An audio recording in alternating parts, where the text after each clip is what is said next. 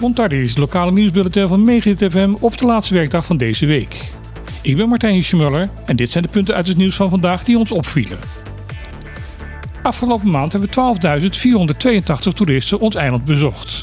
Dat blijkt uit de cijfers die Tourist Corporation Bonaire bekend heeft gemaakt.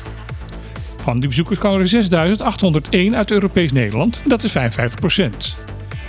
24% van de bezoekers, ofwel 2976, waren afkomstig uit Noord-Amerika. De overige 21% kwam uit een breed scala van andere landen. In juli legden maar twee cruiseschepen aan in Bonaire.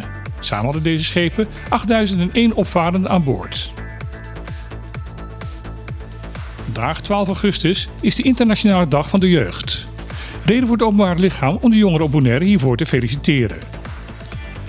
Het eilandbestuur zegt constant bezig te zijn om de rechten van jongeren te waarborgen en daarmee de positie van jongeren op het eiland te verbeteren. Verantwoordelijke gedeputeerde Niel van Heijer wil dat niemand daarbij achterblijft. Ze wil ook de solidariteit tussen de generaties versterken. Ze wil kinderopvang van een hoge kwaliteit betaalbaar maken en werkt aan het bewustzijn bij jongeren voor het belang van een gezonde levensstijl. Ze wil ook de dienstverlening aan ouders verbeteren die ondersteuning bij de opvoeding nodig hebben. Daarbij benadrukt Den Heijer dat iedereen die een kind of een jongere in zijn of haar leven heeft, moet beseffen dat je een rolmodel moet zijn voor deze jongeren.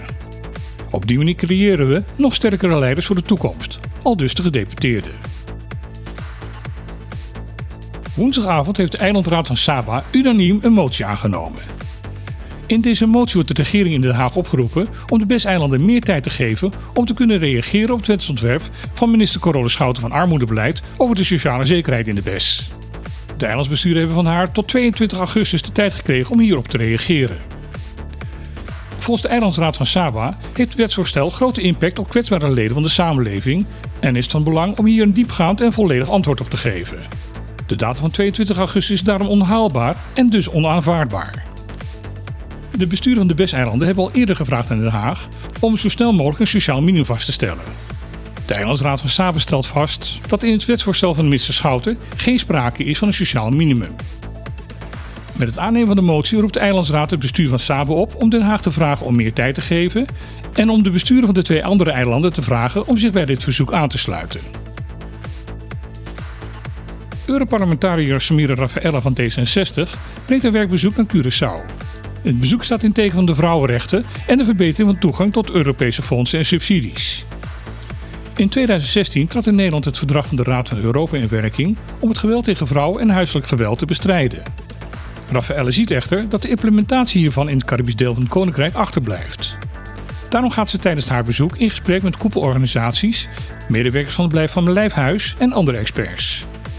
Ze wil er daarbij ook op wijzen dat er voor dergelijke projecten vaak ook Europese fondsen en subsidies te vinden zijn die deze organisaties kunnen ondersteunen. Dit was het laatste nieuwsbulletin van deze week op Megahit FM. Morgen is weer op deze zender van 12 tot 2 het programma Op de Klippen. Als gast hebben we de twee leden van EQ. Met hen praten we over het wetinitiatief over het verbod op de zogenaamde homogenezingen. En er komen twee doktoren van de dienst publieke gezondheid wat meer uitleggen over wat apenpokken nu precies zijn. Als je naar Op de Klippen gaat luisteren, dan graag tot morgen en anders tot maandag.